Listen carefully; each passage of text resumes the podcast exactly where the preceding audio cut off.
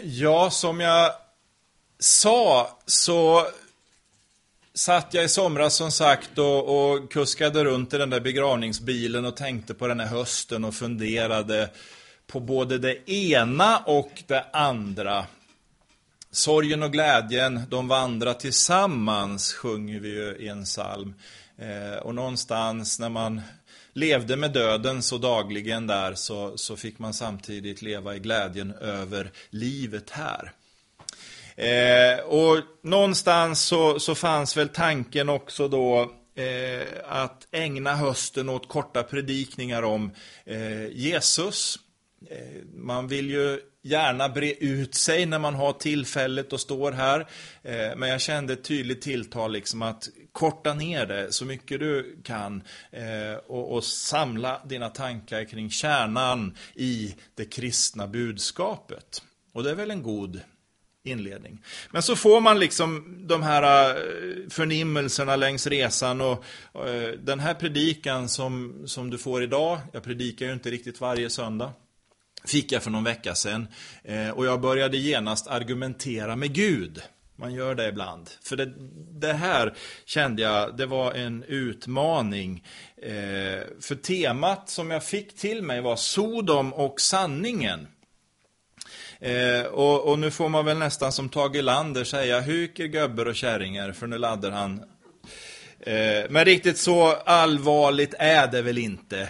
Eh, jag tror att det finns en eh, en kärleksfull och nådefull ton i det jag ska säga. För även om jag upplever tilltalet kring ämnet så har jag ju ett förvaltarskap att stå här. Och vi ska gå till första Mosebokens 19 kapitel. Berättelsen om synden i Sodom.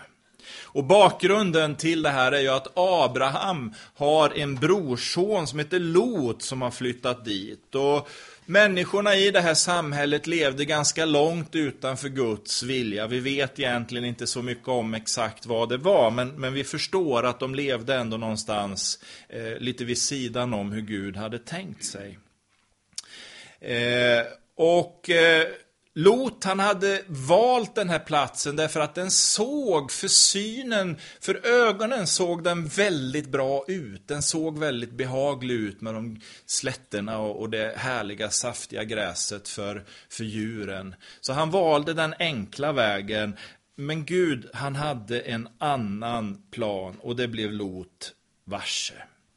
En dag kommer några änglar på besök till Lot och han välkomnar dem. Men männen i staden vill bedriva otukt med de här männen. Och så kommer vi in i berättelsen när de båda änglarna är inne hos Lot och talar med männen utanför dörren.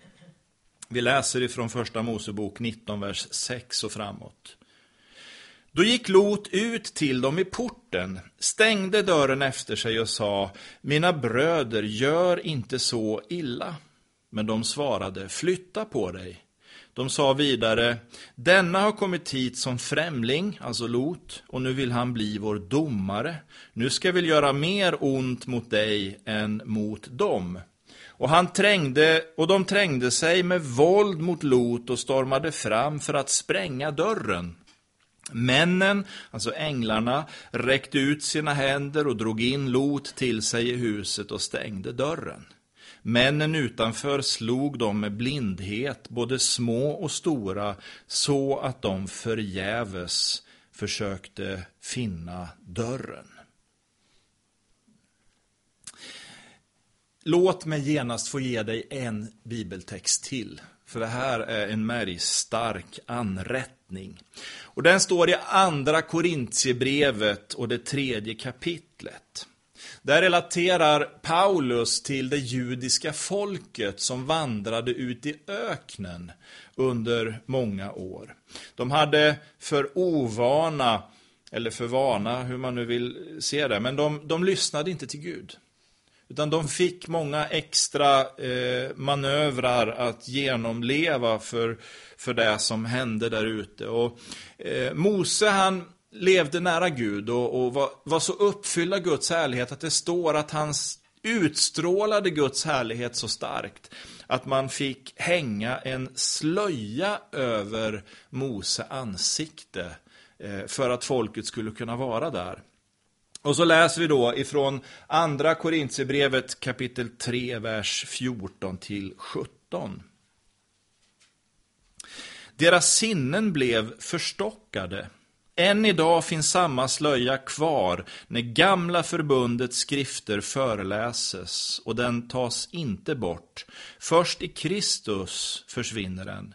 Ja, än idag ligger en slöja kvar över deras hjärtan när Mose föreläses.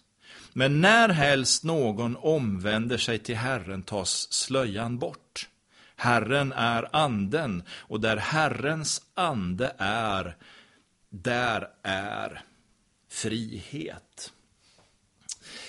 Ja, det finns ju en tydlig spänning mellan de här båda texterna som du har fått lyssna till, som vi har läst i Bibeln. Det finns en strid mellan Guds vilja och mellan syndens vilja. Och det är också där vi hittar generalproblemet i vår tid och det som är Bibelns ärende till oss idag. I syndafallet som vi läser om i Första Mosebokens tredje kapitel, där Adam och Eva valde att gå en egen väg bort ifrån Guds vilja, så ser vi att ormen som kom och frestade dem drog med dem bort ifrån Gud. Och det här resultatet, eh, eller resultatet av det här blev ju att människan inte längre fick vara kvar i Eh, paradiset, i Edens lustgård. För Gud kan i sin helighet omöjligt dela gemenskapen med det som är oheligt, det som inte är eh, enligt Guds vilja. Och nu kanske någon tycker att ja, men Gud är väl oförsonlig och hård när han så bryskt för ut Adam och Eva ifrån paradiset. Men jag tänker så här, att Gud, han visste ju så väl vad det här skulle föda för konsekvenser i människans liv. Krig, svält, katastrofer på grund av människors girighet och egoism. Och, ja, vi kan börja rada upp allt det här som bryter ner oss människor och på olika sätt förstör för oss. Och det där vill ju inte Gud att du och jag ska behöva leva med för evigt. Så han säger ju, det är tur att Adam och Eva inte hann att äta frukten från livets träd innan det här inträffade. Just så att de skulle leva med det i all evighet. Därför blev livet ändligt. Men Gud var ju inte nöjd med det, för han älskar dig och mig och han vill ju inget hellre än att dela gemenskapen med oss människor. Så därför var ju också planen till vår återlösning färdig från allra första början. Och det här berättelsen om Sodom kommer in och jag tycker att den är våldsamt intressant. Eh, för om man utgår ifrån de som stod utanför dörren, de som eh, på något sätt representerar det som inte var Guds vilja i det här, så tycker jag att man skulle kunna säga så här, okej, okay, de säger, ni måste komma ut till oss. Deras budskap är, kom ut. Eh, alltså, det ska med normer, det som har normer idag ska brytas. Det finns inte längre någon auktoritet i deras tänkesätt. Alltså, det handlar om att följa jaget. Det handlar om att gå på min vilja snarare än att lyssna till vad Gud har att säga till oss. Att föda sitt ego utan att tänka på andra människor. Och det handlar om i det här att göra sig själv till kung i sitt eget liv. Eller kanske i värsta fall att göra sig själv till Gud. Jag stryker Gud helt enkelt ur mitt tänkesätt och så går jag på vad jag själv vill och tänker. Men Bibeln förkunnar ju en sanning som är i direkt motsats till det. För Bibeln talar aldrig om att vi ska komma ut till någonting, utan där handlar det istället om, kom in. Det är en öppen och välkomnande tanke. Kom in till gemenskapen med Gud. Bli en del av de troendes gemenskap.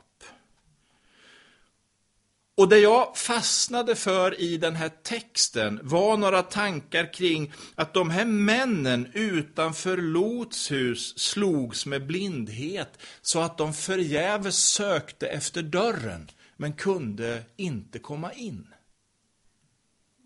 De var inte blinda, men hur de än liksom försökte så missade de porten in till sanningen. Därför att de andligt sett slogs med blindhet. Och det var ju det vi läste om i Markus kapitel 4 förut, hur Jesus talar om att de ska se med sina ögon men ändå inte se. Och höra med sina öron men ändå inte förstå och omvända sig. Ungefär som för Adam och Eva utanför Edens lustgård. De kunde inte återvända dit in, hur gärna de än ville, därför att Gud hade rest det här hindret emellan, för att människan inte skulle ta synden med sig dit in. Och det här, vi landar i andra Korintierbrevet och talet om slöjan över Mose ansikte. Och gör jag en andlig tolkning av det så tänker jag mig att den på på ett sätt då representerar den här blindheten hos människorna som stod utanför Lots port. Och poängen är att Bibeln förkunnar för oss att när en människa omvänder sig till Gud, då tas slöjan bort och man ser dörren. Man ser vägen till gemenskapen med Gud. Vad det handlar om är att Jesus kom för att vara kung. Han kom för att öppna dörren till gemenskapen med Gud. Och när vi accepterar att det inte är med mina förmågor och möjligheter jag kan öppna dörren, utan jag är beroende av Guds nåd och Guds barmhärtighet för att kunna få gå in dit, då förstår jag också vad det handlar om. När jag inser att Jesus på korset tog straffet på sig, den syndaskuld som hindrar mig från gemenskapen med Gud. Och den har vi ju alla, det finns ingen som är fri från det. Men när jag förstår att lämna det till Jesus och säga okej, okay, jag förstår att du dog för mina synder Jesus. Då får jag underbar frid som vi hörde att Roland sjöng om. Jag får gemenskapen med Gud. Det händer något fantastiskt. Pärleporten öppnas. Jag får komma dit in. Så Sodom och sanningen handlar ju ytterst om Guds inbjudan att vi får komma till gemenskap med honom. Låt oss be. Jag tackar dig Fader för din nåd och barmhärtighet. Att du har gjort det så att vi får gemenskapen med dig genom att bara tro på dig. Så enkelt, Herre. Jag tackar dig för att vi får ta det evangeliet, det glada budskapet till oss. Att du, Jesus, har öppnat pärleporten. Du har inte gjort skilsmässan evig, utan du har istället på allt gjort vad du kan för att vi ska få komma in till dig och dela gemenskapen med dig. Vi prisar dig för det i Jesu namn. Amen.